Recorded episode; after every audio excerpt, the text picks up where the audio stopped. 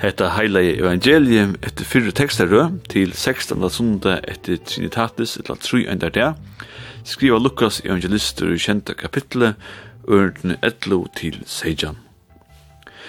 Og det hendte den etter er at han får til en bygd som heter Nain, og flere av lærersvein hans herra og en stor mannaskare våre ferne vi honom. Men då igjen narskajist bygdar linun, så ta vær ein deir borun ut, som var einaste sonur tja morsyne, og hon var øntja, og store skjære ur bygdene fylltes vi henne. Og da herren sa henne, tøkte hon hjertelig sint ui henne, og han sier vi henne, grat ikkje. Og han gikk fram at lygbørene og nem vi henne, men tar som bor og stekk av og han sier, unge mevor jeg sier til her, reis til opp, og han deie settes til punduse og tog at tala. Og han gav maur hans her han, men øtte kom og øll, og det lov av gode og søtto. Store profeter er risen opp okkar i middelen, og god hever vidja falksuit. Og hese tøyindi om han kom ut om alla judeo og alla steger her og i nont. Vi kjenner helst öll støvna her vid er til Gjerrafyr. Og onkur du sier vid eisen vi kvann annan, vi suttjas spera til Gjerrafyr. Og så smulat vi kanska sintur ironist etla ui sjolvsbeie kanska, men asanna er såleis er det ofta. Ty ofta hava vi så nekv om at vera og jokkara gjerandstegi, er vi ikkje alltid djeva okkon tui til a suttja meira til kvann annan. Tuyen er knøpp og tuyen må brukast skilja gott halda vit. Men kanska sier vi eisne hetta er vi bæra suttjast til gjerraferir, tui at vi asanna er til gjerraferir mu vi standa saman og stola kvar nørun tui og grevarbakka er ikkje nek anna a gjerra. Og det skulle vi heldur ikkje undumeta. Sjolt om hagtølene jo visa at deiligheten fyrir okkur menneskjo er 100%, så er det ikke lagt til okkun å komme til sattes vi hesa sannrøynd. Hilde verur er at deien er eit av tam og systu tabuunun i okkara tui. Ta moderne er menneska hever ofta torrførst via er tås om deian, og kanskje vi kjenna til fra okkun sjolvun, er vi hever torrførst via møta fæltje som har mist onkran av sunu kæru. Okkun damar ikkje deian, lykka som okkun moderna og menneskjon ikkje damar til som ikkje kan greias fra eller forklarast. Men at ukka folk som syrtja er eisne fyrir iver til teg og vera tjataimun. Og det var eisne teg som Jesus gjørte ta han for iver til fylgje og åndkina og i bygdene nøyen. Og det er teg som halda seg ur erva, hever det seg ut som en krossur, ta hese bei fylgjene krossa av hvers anna, loik fylgje og fylgje tja Jesuse. Det er ikke nekk vi fratt om hendingsna ta Jesus reiste den unga mannen opp fra deion og bygdene nøyen. Vi får ikke vita hvordan følelsen eita, eller hvordan gåmål til er om, tog frasøknen er rettelig stått. Vi høyra til dømes anki om hva mamman eller at han dei sonen tjuo, etla hverja lus og askoan dei høttu. Lukas her evangelie, her dagsins tekstur stendur, er det einaste at han må fyre evangelien som forteller okkon om hese ønskjena og gjerarferina ui nøyen.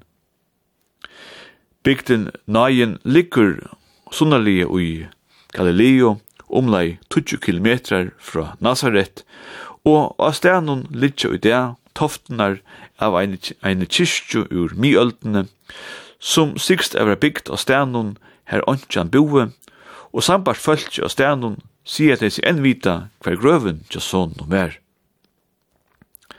Frasøknen om åndsjena er sjående en søva om en kono og djupare sorg, nu hon har mist sitt einasta paten. Men det var heller ikke bare som man sier at det tar i tøyene, at sitte ensamøtl vi ångon er at for syrja sær, og spurningren vær om hun nu hei mist sin forsyrjara, og gus hun skulle komme uiare, antes som bittare, etla til som verre vær. Heilar trutjaferinar og nudja testamentet høyra vid om at Jesus reiste folk oppadu fra deion. Men søvan om åndsjena og nøyen er korsen i sérstøk og at han hatt, at i hesen føren er det Jesus sjálfur som teker sti til at vekja han deia sonen oppad fra deion, tui Jesus hever djupa samkjensle vi hese kvinnene, honom tøkte hjersalega sint og henne. Og i hinun evangelien fratta vid at folk koma til Jesus og bo han om hjelp. Men her gjer Jesus til er sunnun eintinkum. At talan er om et undur som er lengt utanfyr til vi mennesker klarar skilja og fæta, er ungen i vi om. Nudja testamentet forteller at Jesus er bei god og menneska, og i hesson teksten viser hans sin godomlig leika vi er gjer størst ontur, og samstundes er han så mykje menneskasligur at han hev samkjenslo vi hesson neier åndkjene. Og det er heller ikke så løye at folk blir bilsen og blir av tåse om at en stor profeter vil komme i middelen teg. Frasøknen ur nøyen minner eisen ser en egg om tvinne bråt ur fyrro og seitno kongabok og i gamla testamentet. Her profetren Elia eisen vekjer en son tja ein i antjo oppfra fra deion og profetren Elisa eisen vekjer enkarsonen tja ein kvinno til løvs. Hesar tekster kjente folk aller helst ur de jødiske skriften og det var eisen tog Det hilde Jesus vera en storan profet, og søttu, God hever vidja folksuit. Det settu hendingsna innu tarra jødiska samanheng. At Jesus hever givi ønskjene og taman erverandi annars eina og fætleg gleie, hóast til afturskuldu dodgjera foldun, er ønsken ivi um. Ta vita tei allar best som sjálv hef mist onkran av sinun allar nærmastu. Sorg er nemlig kærleikans brusur. Vi høyrer til åndsj om hvordan åndsjan heier til. Vi høyrer bare om hvordan Jesus heier til, og han tók som sagt sint i åndsjene og ber henne ikke gråta. Vi høyrer altså bare om hennara kjensler og beinleis tjøkno kjenslenar tja Jesus. Åri og i griska teksten hun fyrir jeg takka sint ui Er i hesson før noen et år, og i eisen kan setas i samband vi innvøler, til å sija nek og bildgist innan ui, nek som er i barme, etel ui, bjersta noen. Året kommer eisen i fire og i fyrsta kapittel og i apostasøvne, ta innvølner dette ur Judas i Iskajot som døyr. Det vil si at det er nekka som er inni i Jesus som her kommer ut, det som han ber for brøstet, kommer ut til åndkjena. Ta sikst er at Solmaskalden og Grundtvig domte seg vel hentan teksten og i Nudja Testamentet, og det er helst tog ikkje at tilvild at han ikkje er så nekv om barm gjerstighet, at det var miskunn og trøst ui barme. At det godomlige var blivet så mykje menneskaslitt at god tog synd ui menneskjanon og hjolte tøy. Undri og nøyen er en søve om samkjenslo.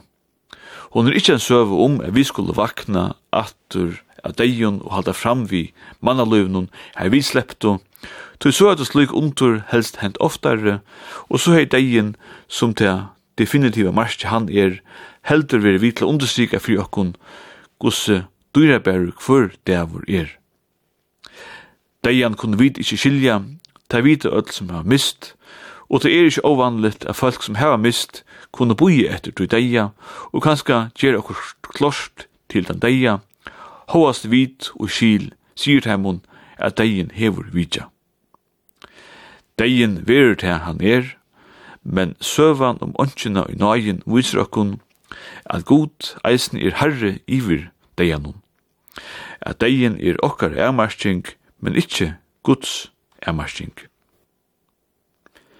Vi ender kvöld vi høyra orgelleggeren Høykur Gvullason spela pastorale og i etter Johan Sebastian Bach og Frobenius orgena og i Skalholt, Kyrkjo, Gåan, Sunnodem.